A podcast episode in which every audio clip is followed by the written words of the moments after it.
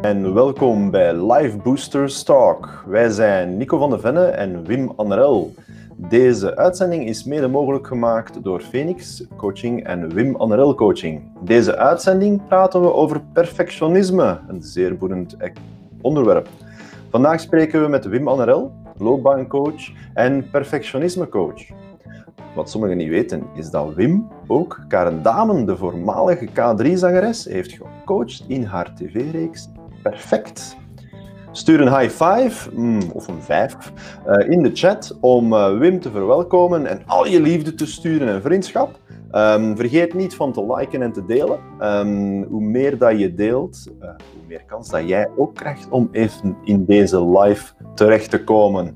Goed, wij verwelkomen Wim. Ik haal hem er even bij. Een goedemorgen, Wim. Voilà, hey, dag Nico. Hallo, hoe gaat het? Slide. Ja, bergen. Goedemorgen Wim, ik zie jou op het scherm verschijnen en ik denk Super. dat ze jou ook zullen zien. Goed, goed. Zo, Wim, wij gaan het over perfectionisme hebben. Ja, absoluut. En uh, de ondertitel is een uh, virus met een vaccin. Ik vond dat wel uh, toepasselijk in deze periode. Dus wat gaan we eigenlijk zien? Dat is, wat is perfectionisme? Wat zijn de effecten? Um, mensen kunnen ook gaan kijken van hoe sterk leeft dat bij mij. Ik ga ook wat tips geven om de effecten te matigen. Want perfectionisme, daar kan je enorm veel last van hebben. Niet alleen jouw omgeving, maar jijzelf ook. En dan op het einde ga ik nog wat uh, extra tips geven voor mensen die daar nog verder willen in uh, gaan en, en echt willen verlost geraken van uh, dat belemmerende patroon.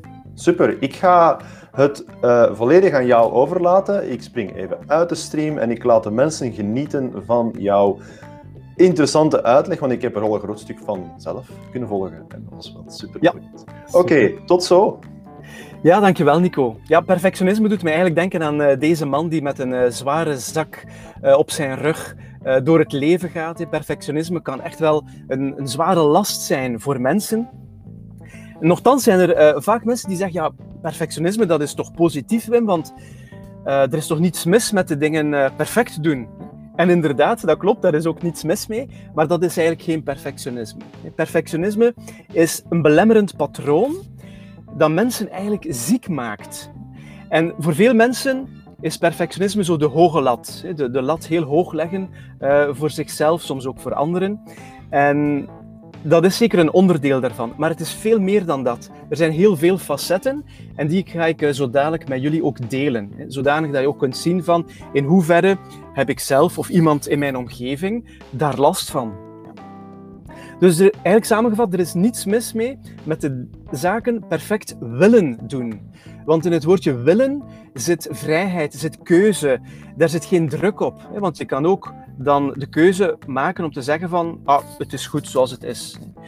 Waar zit hem het echte perfectionisme in? In de zaken perfect moeten doen.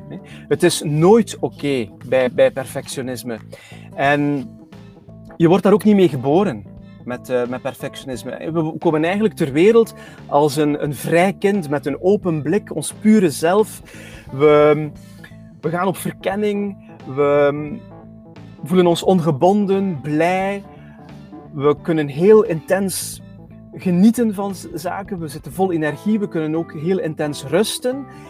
En dat vrije kind, ja, wat is er eigen aan onze ontwikkeling? Is dat we ons op een zeker moment beginnen aan te passen. We beginnen ons aan te passen aan onze omgeving. We beginnen ons te gedragen op een sociaal aanvaardbare manier. We leren regels te respecteren, we leren ons verstand gebruiken. En dat is logisch, we worden daar als het ware compleet door als mens. Nu, wanneer ontstaat perfectionisme dan? Dat is eigenlijk als dat brave, verstandige kind de overhand begint te krijgen op dat vrije kind. En voor een stuk helpt onze wereld daar ook niet in. Hè? Want er moet heel veel in onze wereld. Hè? Er is eigenlijk een alsmaar toenemende druk op mensen om het altijd maar sneller te doen, altijd maar beter te doen. Hè? In onze economie, maar ook in ons onderwijs. Hè? Mensen die kinderen hebben, die weten dat het... Uh, als, als een kind in de kleuterklas nog niet snel genoeg kan stempelen, ja, dan wordt hij als uitgenodigd als uh, ouder. Hè? Uh, maar niet alleen in het onderwijs, ook dus in het bedrijfsleven, in, in de landbouw, in de voedingsindustrie. Het wordt ook wel eens de rat race genoemd. En op den duur gaan we geloven dat we alleen maar op deze manier nog kunnen leven. Nochtans zijn we er allemaal samen verantwoordelijk voor. En een van de zaken die ik hoop, die door deze coronacrisisperiode misschien mogelijk wordt, is dat mensen gaan stilstaan bij hun manier van leven. Is dit nog hoe wij willen leven? Of is er ook een andere manier mogelijk? Dat is eigenlijk een van de zaken die ik hoop, die als positief element kunnen komen uit, uit deze crisis. En het lijkt soms alsof we mieren moeten zijn. Mieren die kunnen 10 tot 50 keer hun eigen lichaamsgewicht dragen. En dat zegt hij eigenlijk iets over, over de druk die mensen kunnen ervaren in dit beeld. Maar wij zijn geen mieren, wij zijn mensen. En een andere manier om naar perfectionisme te kijken is bevestigingsdrang. Het gevoel van ik ben niet oké zoals ik ben. Als we naar dat kind kijken van daarnet, we worden geboren als vrij kind, maar op zeker moment kan dat kind zichzelf niet meer oké vinden zoals het is. En dan moeten we zorgen dat anderen ons oké kunnen vinden, want we kunnen dat zelf niet meer over onszelf vinden. En van daaruit ontstaat ook een stukje bevestigingsdrang. Ik ga straks zeggen ook van op welke manieren kan zich dat uh, uiten. Een andere manier om naar perfectionisme te kijken is dat het een onevenwicht is tussen denken en voelen. Dat is uit evenwicht. Mensen met het perfectionisme-patroon zijn mensen die vaak heel veel denken, tot zelfs spiekeren, en een stukje hun intuïtie verloren zijn, met alle gevolgen van, van dien. Dus het is uit evenwicht zijn van ratio en intuïtie. Nu, hoe ontstaat dat dan? Heel vaak in onze jeugd. Ik ben nu zelfs iemand aan het coachen die zegt van kijk, ik merk dat bij mijzelf, dat perfectionisme, en ik wil dat niet overdragen op mijn uh, kinderen die nu vier en zes zijn. En dat is ook heel verstandig inderdaad, want vaak ontstaat het echt uit in de kindertijd, door een soort overdracht van een van de ouders of de beide ouders die zelf aan dat patroon lijden, naar hun kinderen. Het kan ook te maken hebben met een sterke druk om te presteren. Dat kan ook van de ouders, de grootouders, de sportcoach, uh, school komen, waarbij dat um, kinderen soms horen van ah, dat doet je nog niet genoeg. En kinderen gaan dat soms interpreteren als je zijt nog niet goed genoeg of je niet goed genoeg. En daaruit kan ook dat patroon verder gaan ontstaan. Ook vanuit onze behoefte aan meer affectie, meer genegenheid die we als kind hebben. En als kind heb je zoiets van, hoe kan ik dat hier krijgen? Ah ja, misschien als ik mij heel braaf aanpas en, en, en doe um, wat ik denk dat ze van mij verwachten. Het gevoel te moeten zorgen, bijvoorbeeld voor een zieke ouder, kan ook een ontstaansfactor zijn. Uit je comfortzone gehaald worden door een verhuis, een uh, traumatische ervaring. Ook gepest worden, want waarvoor worden kinderen gepest? Voor iets van hen, hun uiterlijk, hun taal. En voor die kinderen is dat dan, ja, dan ben ik niet oké zoals ik ben, want anders zou ik niet gepest worden. Nu, wat blijkt ook, dat kinderen in hetzelfde gezin kunnen opgroeien, dezelfde omgeving, en dat het ene kind daar blijkbaar wel een voedingsbodem voor heeft, voor dat patroon, en het andere kind niet. Dus het is niet noodzakelijk dat al uw kinderen dat dan zouden ontwikkelen als je uh, dat zelf zou vertonen. Dus nog meer over het ontstaan. We, zoals gezegd, we worden geboren als, als vrij kind. En we worden dan op een stukje ja, enkele jaren later gaan we ons leren aanpassen aan onze omgeving. En dat is misschien wel goed, dat perfectionisme-patroon op dat moment, omdat we gaan leren om kwaliteit na te streven, om ons best te doen, ook om rekening te houden met anderen. Maar op zeker moment, en dat gebeurt niet bij iedereen, gaan kinderen ook puberen.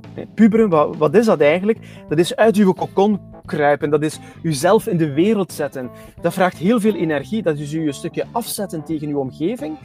En misschien is dat wel een noodzakelijke fase om daarna als vrije volwassene te kunnen verder leven. En die fase als puber houdt dan ook in om dat perfectionisme een stuk van ons af te schudden. Zeker de overdrive, het te veel.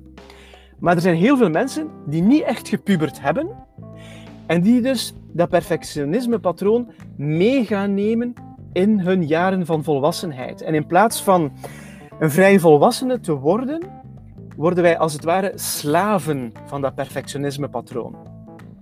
En meestal slaagt dat patroon er wel in om mensen vooruit te doen brengen in het leven. Om bijvoorbeeld ja, een diploma te halen, om uh, hen carrière te laten maken enzovoort. Dus op zich misschien wel positieve zaken, maar de prijs die ervoor betaald wordt, die is hoog. Hè? Want in plaats van fluitend en genietend door het leven te gaan, worden we dan beheerst door angsten, door stress, door ontelbare moetens en schuldgevoelens. Want moeten is eigenlijk een van de kernwoorden binnen perfectionisme. Ja. Zaken moeten en niemand kiest daarvoor, voor perfectionisme. Het is een soort ja, iets in uzelf dat u aanstuurt. Een patroon in uzelf dat u aanstuurt, dat op heel veel zaken zegt van ah, ik moet dat doen. En als ik het niet doe, dan heb ik schuldgevoelens. Dus dat zijn eigenlijk al twee kernwoorden, moeten en schuldgevoelens.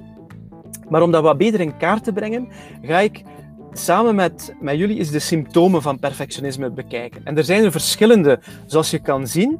Ik ga daar uh, kort door, maar op het einde ga ik u ook nog een cadeau doen. Als je zegt, ik wil daar meer in detail op ingaan en eens zien van, ja, hoe zit dat dan bij mijzelf, op al die verschillende uh, symptomen van dat patroon van perfectionisme.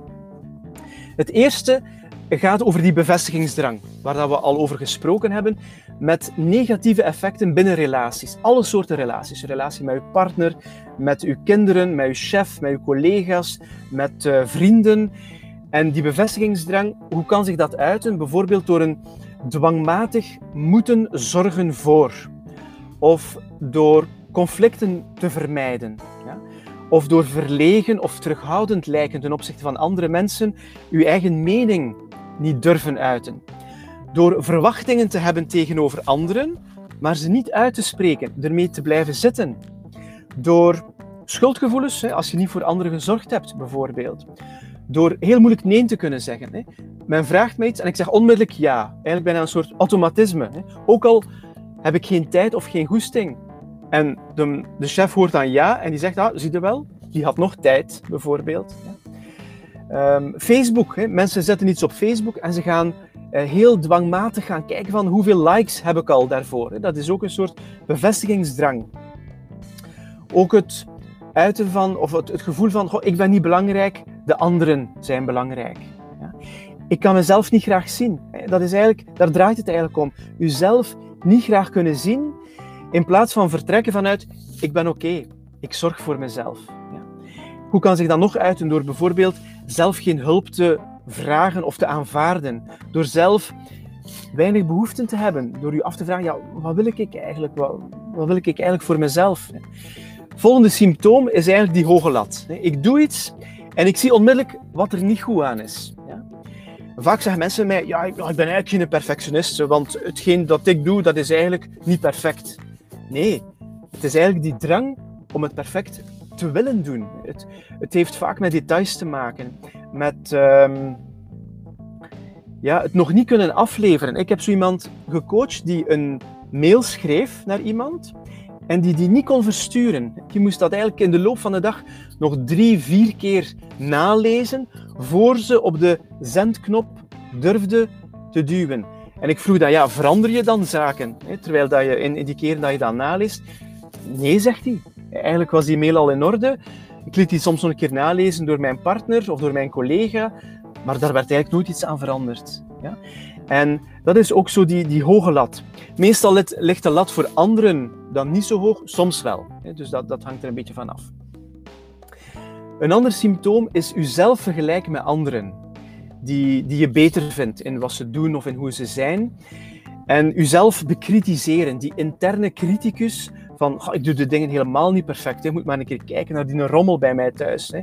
Of ehm, het kan ook ehm, ja, op het werk zijn, hè. jezelf vergelijken met anderen.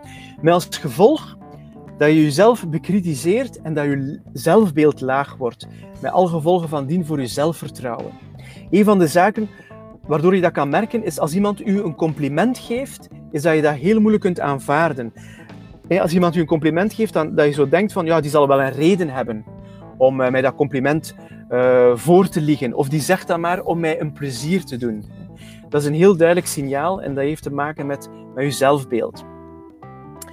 En dan angsten. Ja? Die zijn heel sterk verbonden met het perfectionisme-patroon. Uh, faalangsten zien we soms al bij kinderen die blokkeren als uh, een toets, als een uh, examen gaan moeten afleggen. Maar evengoed bij volwassenen op het moment dat ze een presentatie moeten houden of dat ze iets naar anderen moeten doen waardoor ze beoordeeld kunnen worden. Maar ook angst om ziek te worden. Nu in deze tijd van het uh, COVID-19-virus, mensen die onmiddellijk gaan kijken op internet of die een klein kuchje hebben en al direct bang worden. Um, voor, voor ziekte, voor dood, voor, uh, voor ontslag ook soms. Ik merk ook soms angst voor financiële problemen, vaak vanuit de kindertijd, die mensen tegenhoudt om te veranderen van werk bijvoorbeeld, om, om die stap te zetten. Het kan ook angst zijn om niet aanvaard te worden of om angst om er niet bij te horen bij een groep vrienden of, of vriendinnen bijvoorbeeld. Dus dat zijn allemaal uh, manieren waarop zich dat kan uiten. En dan Mensen met perfectionisme zijn vaak denkers. Altijd maar denken en dat denken gaat vaak verglijden in piekeren. En piekeren is eigenlijk negatief denken. Het is, het is niet productief, hè? want productief denken ja, dat leidt tot een inzicht, tot een beslissing, tot een actie. Piekeren is eigenlijk ja, negatief denken en het levert niks op. Het kan gaan over het verleden, het kan gaan over de toekomst. Het zijn gedachten die, die malen. Het kan altijd en overal. Het kan uh, s'nachts zijn, maar het kan evengoed achter uw computer zijn, bijvoorbeeld. En daarom merk ik bij mensen met perfectionisme dat ze vaak heel veel doen ook. Dat ze heel vaak actief zijn om maar niet te moeten denken, omdat ze weten dat denken, dat wordt vaak ook piekeren. Dus dat, kritisch stemmetje. Iets anders is controledrang. En mensen die daar last van hebben, die weten waarom ik deze foto van een, uh, een vaatwas gebruik. Controledrang is, ik weet hoe het moet. Ja? En ik kan daardoor ook moeilijk loslaten. Ja? We willen bevestigd worden en om bevestigd te worden willen we ook geen losse eindjes laten slingeren en willen we de zaken eigenlijk onder controle hebben. We hebben nood aan planning en structuur. We willen geen onverwachte dingen. Ik, ik wil, ik moet de zaken onder controle hebben. Ja? En mensen met perfectionisme hebben het ook heel vaak moeilijk als ze bijvoorbeeld niets gepland hebben of, of met onverwachte zaken bijvoorbeeld. Ja? En die, ik weet ook hoe het moet, hè? dat is ook vaak zo. Hè? En, en vandaar kunnen ze ook heel vaak moeilijk uh, delegeren of, of, of uh, zaken loslaten, bijvoorbeeld. Iets anders wat soms ook vaak voorkomt bij mensen met perfectionisme, niet altijd, maar soms wel, is uitstelgedrag. Mensen die zeggen, ja, ik begin er niet aan, omdat ik het niet goed kan, stel ik uit. Ja. Omdat het toch niet goed genoeg zal zijn. En dat is ook die hoge lat. Het zal toch niet perfect zijn, dus ik wacht tot 2 voor 12 om eraan te beginnen. En dan maak ik mijzelf wijs dat ik die positieve stress nodig heb om, uh, om dat te doen. Ik stel ook uit omdat ik bijvoorbeeld geen controle heb over het resultaat. En vaak bij telefoontjes. Een telefoontje met een moeilijke klant of met een uh, vervelend familielid bijvoorbeeld, stel ik uit omdat ik niet weet hoe gaat die reageren. Kan ook te pas komen bij e-mails bijvoorbeeld. Ja. En dat uitstelgedrag geeft stress. Ja. Iedereen stelt wel eens iets, iets, iets uit, maar als je uitstelgedrag uh, op deze manier vertoont, dan geeft dat ook een stress, want het zit heel de tijd in, in je achterhoofd. Van, oh, ik moet dat nog doen, ik moet nog die een mail versturen, ik moet die persoon nog bellen, enzovoort. En dat geeft ook stress. Een ander kenmerk van eh, perfectionisme is heel moeilijk kunnen kiezen of beslissen. Waarom? Vanuit perfectionisme moet je de allerbeste keuze maken. En kiezen is verliezen. Er is zogezegd maar één juiste keuze. En je kan ook maar één ding kiezen. En dan niet kunnen beslissen, dan moeilijk kunnen kiezen, kan evengoed gaan om belangrijke of dure zaken, bijvoorbeeld studiekeuze, jobkeuze, uh, waar gaan we naartoe op reis, na corona dan, uh, of, of welk, uh, welk groot meubelstuk gaan we kiezen, maar het kan evengoed gaan over minder belangrijke zaken, over hele kleine dingen van welke verf ga ik kiezen voor die muur, wat ga ik aandoen vandaag, welke, welke soort yoghurt ga ik kopen in de supermarkt? Ook daarover kan het gaan. Het probleem is eigenlijk vaak dat mensen met perfectionisme alleen het denken trachten te gebruiken om te kiezen. Terwijl een goede keuze is eigenlijk een samenwerking tussen denken en voelen. En dan komen we aan de twee laatste, die heel vaak de rode loper gaan zijn naar burn-out. Ten eerste een te groot verantwoordelijkheidsgevoel. Vanuit perfectionisme voel ik mij verantwoordelijk voor dingen die ook niet voor mij zijn. Misschien omdat ze zouden zeggen, amai zeg, je hebt dat goed gedaan. Maar ja, ze zeggen dat niet. Dus ik zie werk en ik moet het uitvoeren. Ik neem veel te veel werk op mij. Ik kan ook niet nee zeggen, ik kan geen grenzen stellen. Ik eh, kan niet assertief zijn, ik voel mij voor te veel verantwoordelijk. Dus dat zijn eigenlijk symptomen daarvan. En dat is ook vaak gekoppeld aan doorgaan, nooit opgeven. Als ik mij geëngageerd heb, dan moet ik ervoor gaan. En daardoor ga ik vaak mijn grenzen niet respecteren. Ik ga niet luisteren naar de signalen van mijn lichaam. Ik, uh, ja, ziek zijn, dat telt niet. Ik, ik, ga, ik voel mij ziek en toch sleep ik mij naar mijn bureau. Ik ben een volhouder, een doorbijder. Ik ga liever door totdat ik erbij neerval dan dat ik zou opgeven. Want ja, wat zouden de anderen wel niet van mij denken en wat zou ik wel niet van mijzelf denken? Want opgeven is voor losers, vanuit die overtuiging. Dit, mensen, is de rode loper voor burn-out. Als je dit op het werk vertoont. Het kan ook buiten het werk zijn. Iemand die bijvoorbeeld gaat joggen en zo wat pijn voelt in de knie, maar die zegt, ja, nee, niet opgeven, ik ga gewoon door. En die pijn in die knie wordt altijd maar erger. Gaat naar de dokter. De dokter zegt, ah, je mag nu drie maanden lang niet meer lopen. Platte rust, bij wijze van spreken. Het kan ook eh, zijn voor een relatie. Um, het gevoel hebben van, oh, ik zit in een hele slechte relatie, maar ja, ik ga niet opgeven. Uh, ik blijf mijn best doen, het zal lukken. Ik ben er verantwoordelijk voor. Dit is ook weer, ja, zeker op werkvlak dan, de rode loper naar burn-out. Dus we hebben nu tien verschillende symptomen gezien van perfectionisme. En je kunt je al voorstellen, als je deze in sterke mate toont, wat voor een stress dat dat geeft, wat voor een spanning dat dat geeft. En zo eventjes stress, dat is wel oké. Uh, stress is op zich oké, tenzij die stress blijft. Als dat heel lang is, maanden, jaren, decennia, dan geeft dat lichamelijke effecten. Ja? En die lichamelijke effecten door die stress die dat patroon geeft, die kunnen zich echt op verschillende manieren gaan vertonen. Hè. Hoofdpijn, migraine, spierpijnen. Hè. Men kan uh, gewoon biologisch vaststellen dat terwijl we aan het denken zijn, is er al spierspanning. En als je dus iemand bent die heel de tijd aan het denken is, dan krijg je dus enorm veel spierspanning. Dat zijn dan mensen die naar de osteopaat gaan, hè, om uh, dan een keer allemaal los te maken. Maar de maand nadien staan ze daar terug bij de osteopaat, omdat het weer allemaal vastzit, bijvoorbeeld. Ja? Het kan effect hebben op uw immuunsysteem, perfectionisme. Als we dan kijken, of de stress door perfectionisme. En dan zeker in deze periode heel belangrijk om uiteraard uw immuunsysteem sterk te houden. Nu, een burn-out, daar kan je van herstellen. Ja, dat kan. Maar als je niets doet aan het patroon waardoor je die burn-out gekregen hebt, dan loop je de kans, zoals veel mensen, om in een tweede burn-out te komen. Want de vraag is van, heb je dat patroon ook achter u gelaten? Ben je op een nieuwe manier gaan leven?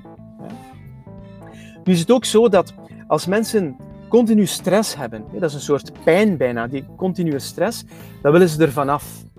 En dat doet mij ook soms denken aan mensen die tandpijn hebben, die gaan soms heel hard in hun arm nijpen om, als ze die pijn dan voelen, minder tandpijn te hebben.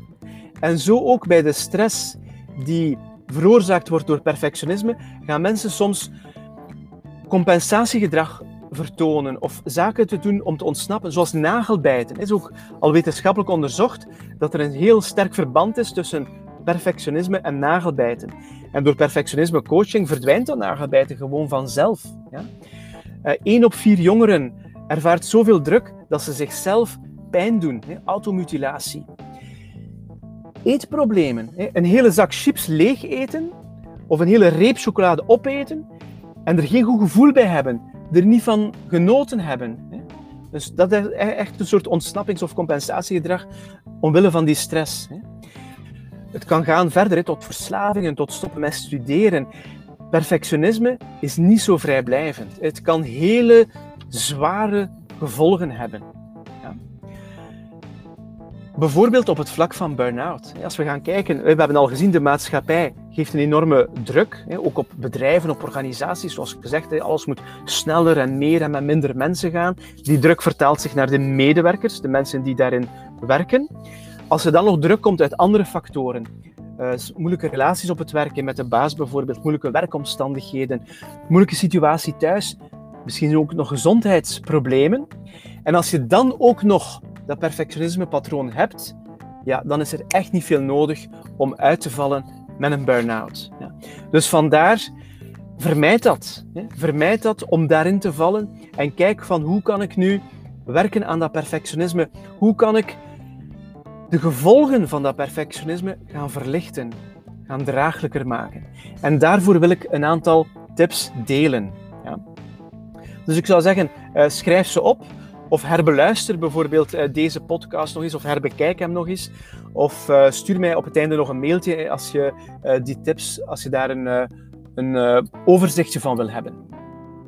Nu, hoe veranderen we perfectionisme? Ja, perfectionisme ontstaat eigenlijk een stuk uit uw denken. Hè? Het is een manier van denken. Het zijn altijd maar denkpatronen die terugkeren. En als je uw denken kunt veranderen, dan kunt je voor een groot stuk uw perfectionisme gaan veranderen, gaan verlichten. Ik moet wel zeggen, als perfectionisme coach, dat uw patroon van perfectionisme wordt gestuurd vanuit uw onbewuste. Dat is logisch. Hè? Je staat s morgens niet op met het idee van ik ga mij nu een keer vandaag het leven heel moeilijk maken en uh, heel veel piekeren en controledrang uh, vertonen en de lat te hoog leggen voor mezelf en over mijn grenzen gaan. Je neemt u dat s morgens niet bewust voor om zo door de dag te gaan. Dus het wordt gestuurd vanuit uw onbewuste. In coaching gaan we eigenlijk werken op dat onbewuste. Wat kan je zelf doen? Is eigenlijk via uw bewuste, uw cognitie, uw denken, dat gaan veranderen. Om op die manier wel al wat verlichting te brengen. En hoe kan dat? Voor een stuk via denkstijlen. We noemen dat ook soms metaprogramma's. En iedereen heeft allerlei denkstijlen. En het gaat ook over voorkeuren. Een van de zaken, bijvoorbeeld, uh, als voorbeeld, als denkstijl, is de denkstijl met voorkeur specifiek tegenover globaal. Ja? En dat is iets dat je onbewust hebt. Hè. Uh, stel bijvoorbeeld dat je kiest voor de stijl specifiek, dan ga ik aandacht hebben voor details. En ik ga dus, als ik naar een bos kijk, ga ik een boom zien. Hè. Um, en, en de stam en de takken. Maar ik zie ook de twijgjes en, en de bladeren. En ik zie de nerven in die bladeren. Ik zie de kleurschakeringen. En dat is eigenlijk de stijl specifiek. En zo kan ik kijken naar een bos. Kies ik nu voor de stijl globaal, dan zie ik dat bos. Ik zie het overzicht. Ik zie de samenhang met andere landschapselementen zoals weiden en akkers. En die twee die zijn goed. Bij alle denkpatronen die we nu gaan zien, de twee zijn altijd goed. Maar de efficiëntie hangt af van het doel waarmee ik naar dat bos kijk. Als ik een landschapsarchitect ben, dan is voor mij dat metaprogramma, die denkstijl, globaal het meest efficiënt. Ben ik een boomdokter, dan ga ik ook meer in detail moeten kijken. Ja?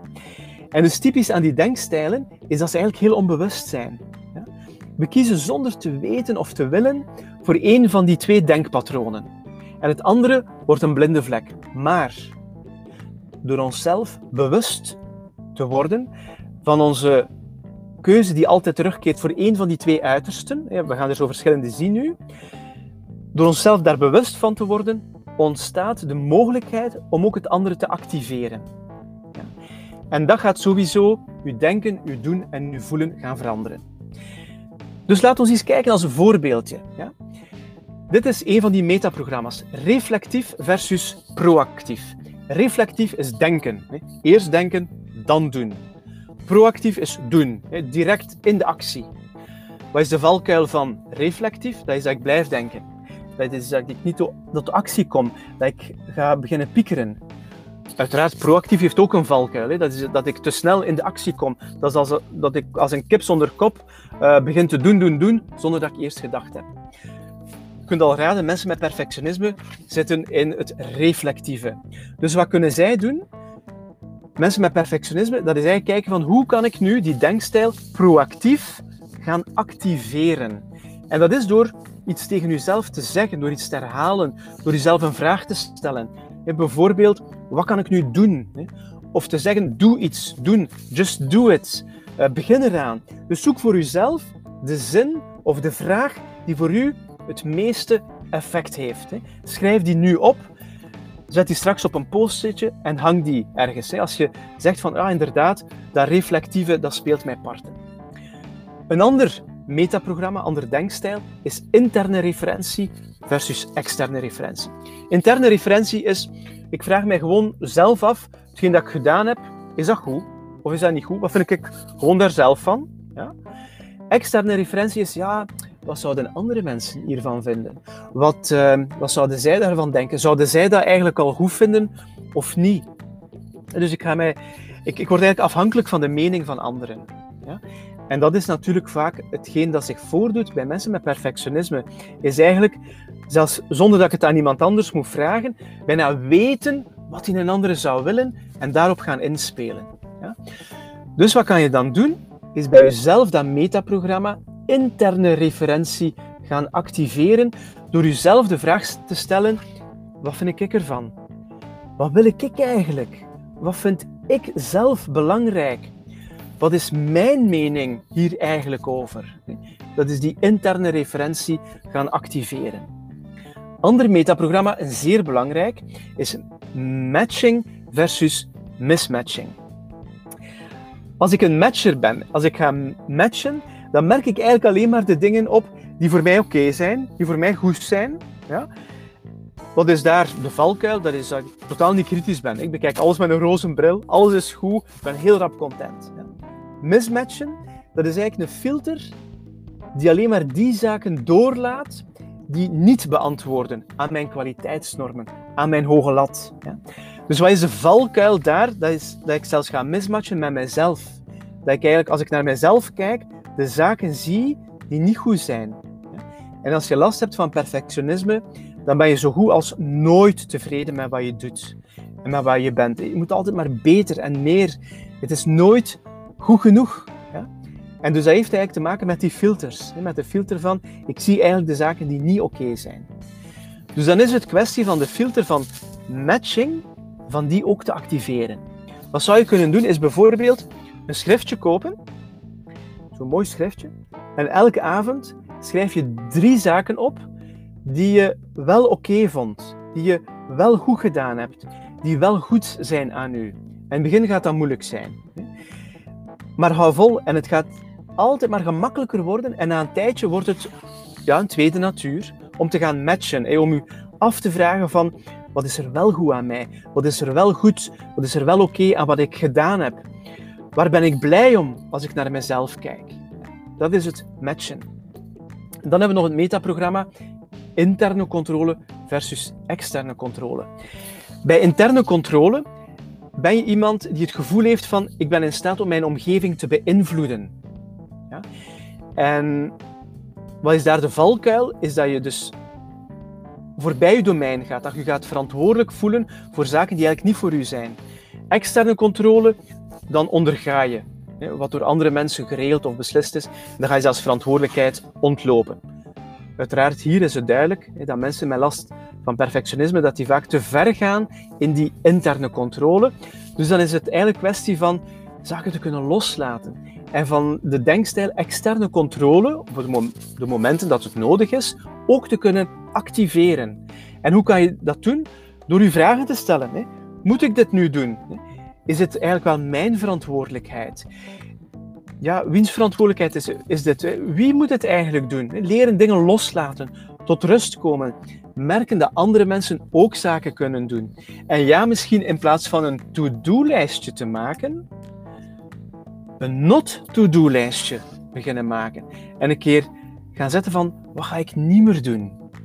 Wat ga ik niet meer op mij laden? Ja? Dus dit is in verband met de denkstijlen. Ik ga je nog enkele tips gewoon meegeven, naast die denkstijlen, die je kunt doen om die gevolgen van dat perfectionisme voor jezelf wat te gaan verlichten.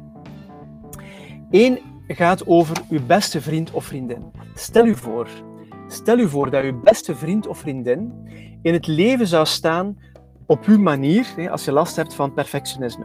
Dus dat hij nooit tijd neemt voor zichzelf, dat hij vaak schuldgevoelens heeft, dat hij nooit echt tevreden is, dat hij nooit echt evenwicht vindt tussen werk en rust.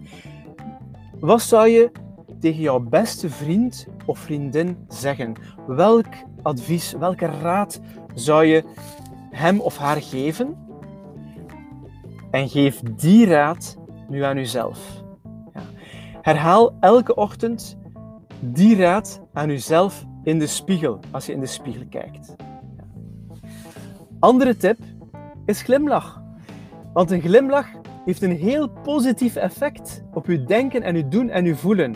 Als je, even, als je stress of druk voelt, neem daar eventjes tijd voor. Hoe komt dat? Als je glimlacht, dan heeft je brein zoiets van: oh, er wordt hier geglimlacht, dus dat wil zeggen dat alles oké is. En dan stuurt uw brein signalen naar uw lichaam om te ontspannen. Dus dan heeft dat eigenlijk een positief effect op de stress in uw lichaam.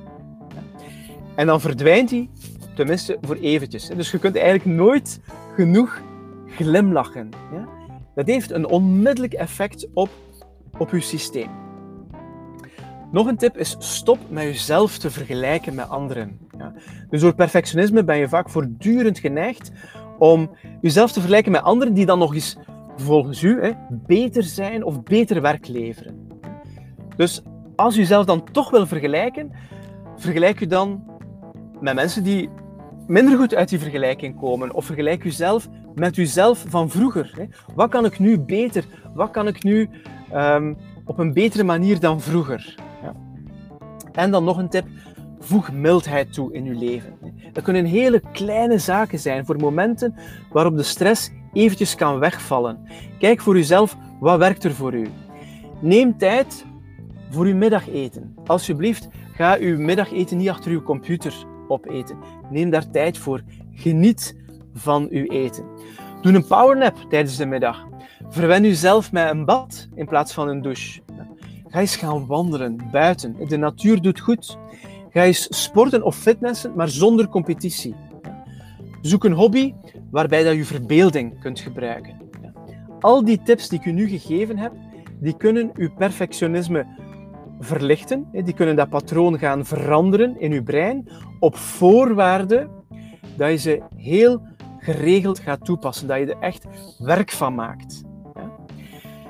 Nu, wat gebeurt er dan in coaching? Eigenlijk is dat veel gemakkelijker voor jezelf, want dan gaan we op het onbewuste werken. Dat wil ik eventjes meegeven wat de OCP-methodiek inhoudt. OCP is een afkorting voor ontwikkelingsgericht coachen van mensen met het perfectionisme-patroon. En wat gaan we in die coaching doen? Dat is eigenlijk ons emotionele brein, ons voelen, gaan laten samenwerken met ons denken, met ons cognitieve brein. We hebben allemaal delen in ons. We hebben dat deel dat dat vrije kind aanstuurt, waar ik in het begin over gesproken heb. Maar we hebben ook het deel dat dat perfectionisme-patroon aanstuurt en dat, dat in overdrive gaat. Dat te veel, te ver daarin gaat. En we gaan eigenlijk die delen terug met elkaar laten samenwerken, terug in harmonie met elkaar laten werken. Dat is wat we eigenlijk in coaching doen, om u op een makkelijker manier voor uzelf, maar ook op een duurzamere manier te bevrijden van dat perfectionisme-patroon. Nu, wil je daar meer over lezen, dan is dit absoluut een aanrader. Dat is het boek Zeg me dat ik oké ben.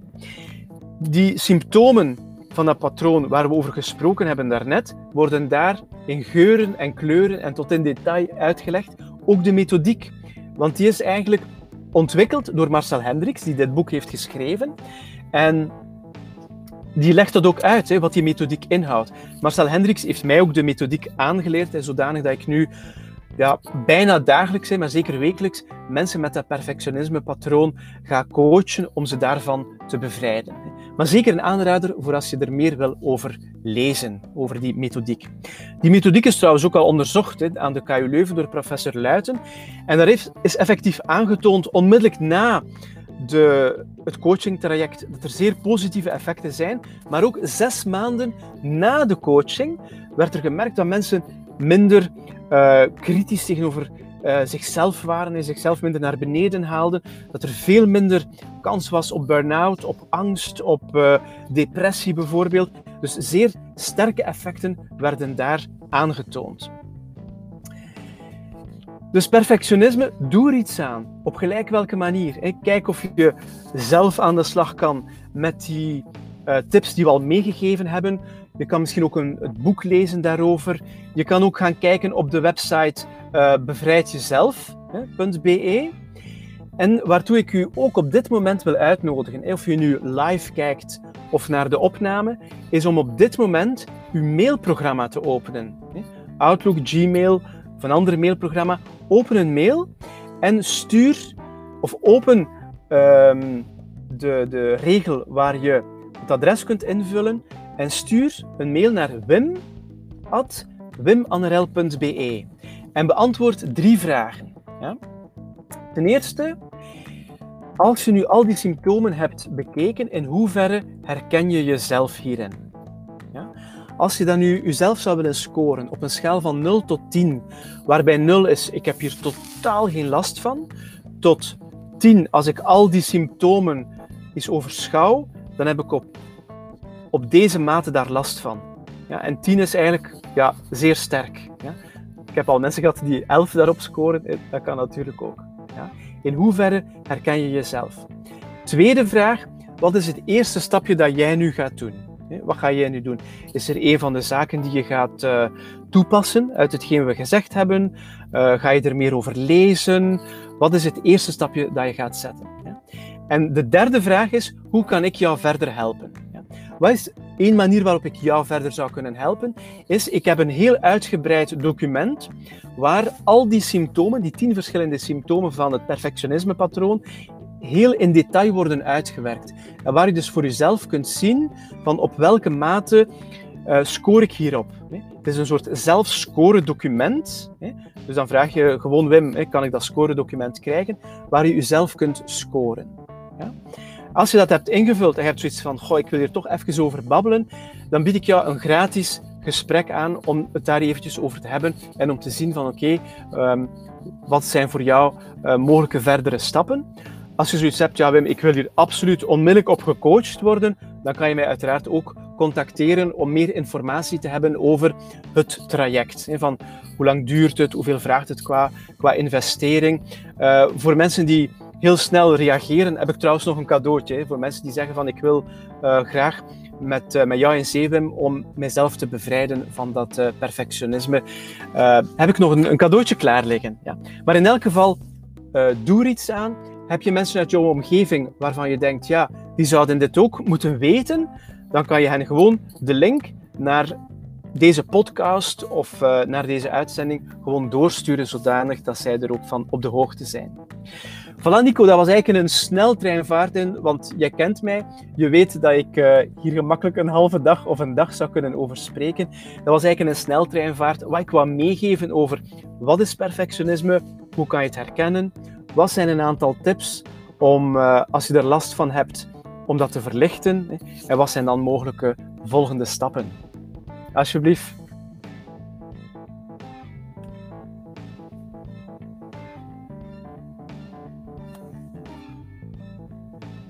Nog gemute, zoals uh, tegenwoordig veel voorvalt, was ik blijkbaar nog gemute. Fantastisch dat het systeem het herkent.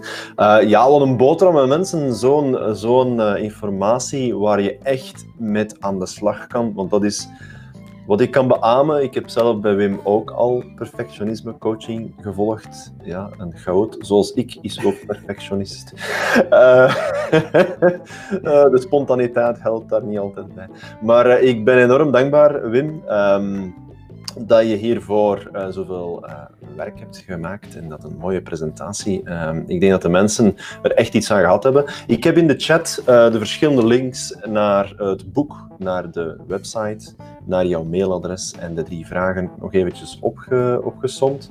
Um, ik denk dat er toch wel wat mensen aanwezig zijn. Ik denk dat we op deze moment aan een, een zevental kijkers op een bepaald moment zaten. Dus dat is toch altijd Super. heel leuk om ja. te zien dat je die impact hebt. Um, en ik denk dat er ook veel mensen zijn dat soms niet altijd herkennen dat ze dat patroon hebben, waar ik zelf ook een beetje een tijdje voor opzij ging staan, maar dan aanpakken, dat helpt wel. Nu, dames en heren, um, Wim en ik, wij zijn de hosts van Live Boosters Talk. Um, wij hebben al enkele podcasts, enkel onze stem dat je op dat moment hoorde, uh, op uh, Spotify, dacht ik Wim, en op. Apple en op uh, Soundcloud, denk ik. er zijn verschillende locaties, dacht ik. dat je ja, alle mogelijke podcastplatforms, absoluut. Ja. Ik denk dat we het over bullet journaling gehad hebben, over uitstelgedrag. Uh, tips om uh, makkelijker beslissingen te nemen. Juist. Ook al gezien bijvoorbeeld. Ja. Juist. Dus we hebben er toch al, al enkele live staan. Ehm, dit is ons nieuwe, nieuwe manier van werken, dus wij gaan ook nog altijd dit verhaal terug in onze podcast natuurlijk opnemen, omdat er daar ook ah, redelijk wat mensen geabonneerd zijn. Maar ik denk dat dit medium toch wel een fantastisch verhaal is. En um, binnenkort gaan wij toch terug eens een uh, opname gaan doen, um, waar dat we een ander onderwerp aan kaarten. En uh, ja, mensen, uh, bekijk de, de live toch nog eens opnieuw, want er zijn heel wat zaken in die je misschien die fijne lijntjes toch niet gezien hebt. Um, ze zijn allemaal gewoon van een live te zien, erdoor te gaan en te zeggen van oké, dat weten we dan ook weer al. Maar ik denk dat dat ook de overstelping is van dit moment, dat we heel veel live krijgen. Ja, ik maak ook nog live shows met ondernemers, maar we krijgen heel veel informatie en het wordt nu stilaan echt wel tijd om die informatie ook te gaan gebruiken en te doen.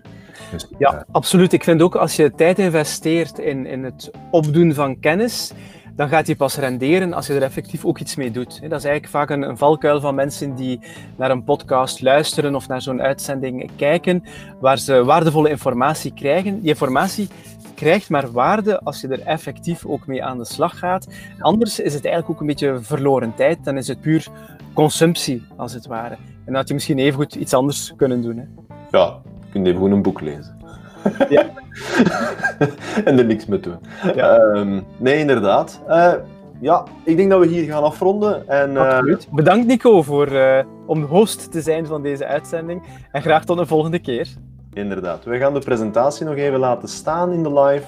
Uh, zodat je nog notities kan nemen van de contactgegevens en de websites, etc. Uh, alles staat ook nog eens in de chat. Um, ik denk dat ik uh, iedereen die live gejoind heeft, welkom heb geheten. Um, maar hierbij laten we het dan voor vandaag. Wim, dankjewel. Tot de volgende keer. Ja, en, tot de volgende. Een fijn weekend, hè? Ja, dag. Hoi.